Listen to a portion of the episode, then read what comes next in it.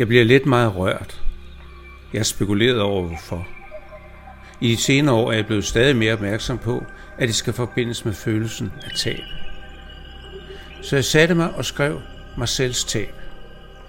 Den første version blev nogenlunde. Version 2 røg ud af en helt forkert tangent. Og version 3 er den, jeg vil læse op lige om lidt. Jeg kan mærke, at der er meget, som rammer rigtigt, selvom spørgsmålet endnu ikke er helt afklaret. Men alting er en proces, og det her det er så langt, som jeg kan komme nu. Måske kommer jeg lidt længere og bliver lidt mere præcis næste gang, jeg forsøger. Ude nummer 27. Marcels tab. Marcel var ikke nogen glad mand. Aldrig rigtig lykkelig. Jo da, der var masser af gode øjeblikke med venner, kolleger, kæreste og familie. Men sådan grundlæggende lykkelig, helt ind i hjertet, i længere tid ad gangen. Aldrig. I sine sene år gik den manglende glæde ham på.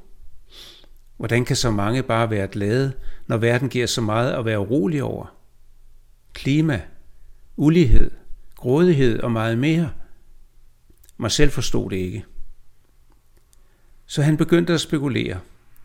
Hvad er det, der forhindrer mig i at være glad? Er det bare de ydre ting, verdens problemer, eller er der noget andet?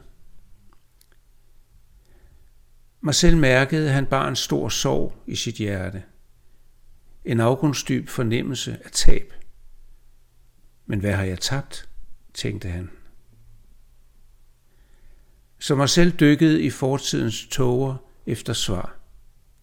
Begivenheder, bekendtskaber, venner, kærester – alt svævede forbi som skygger, spejlbilleder og ånder.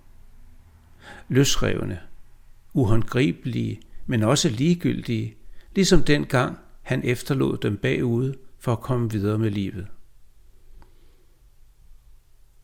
Langsomt og ubarmhjertigt viste svaret sig for ham. Så uhåndgribeligt end det var, utydeligt og udvisket, var mig selv ikke i tvivl. Jeg har ikke evnet at forbinde til andre mennesker.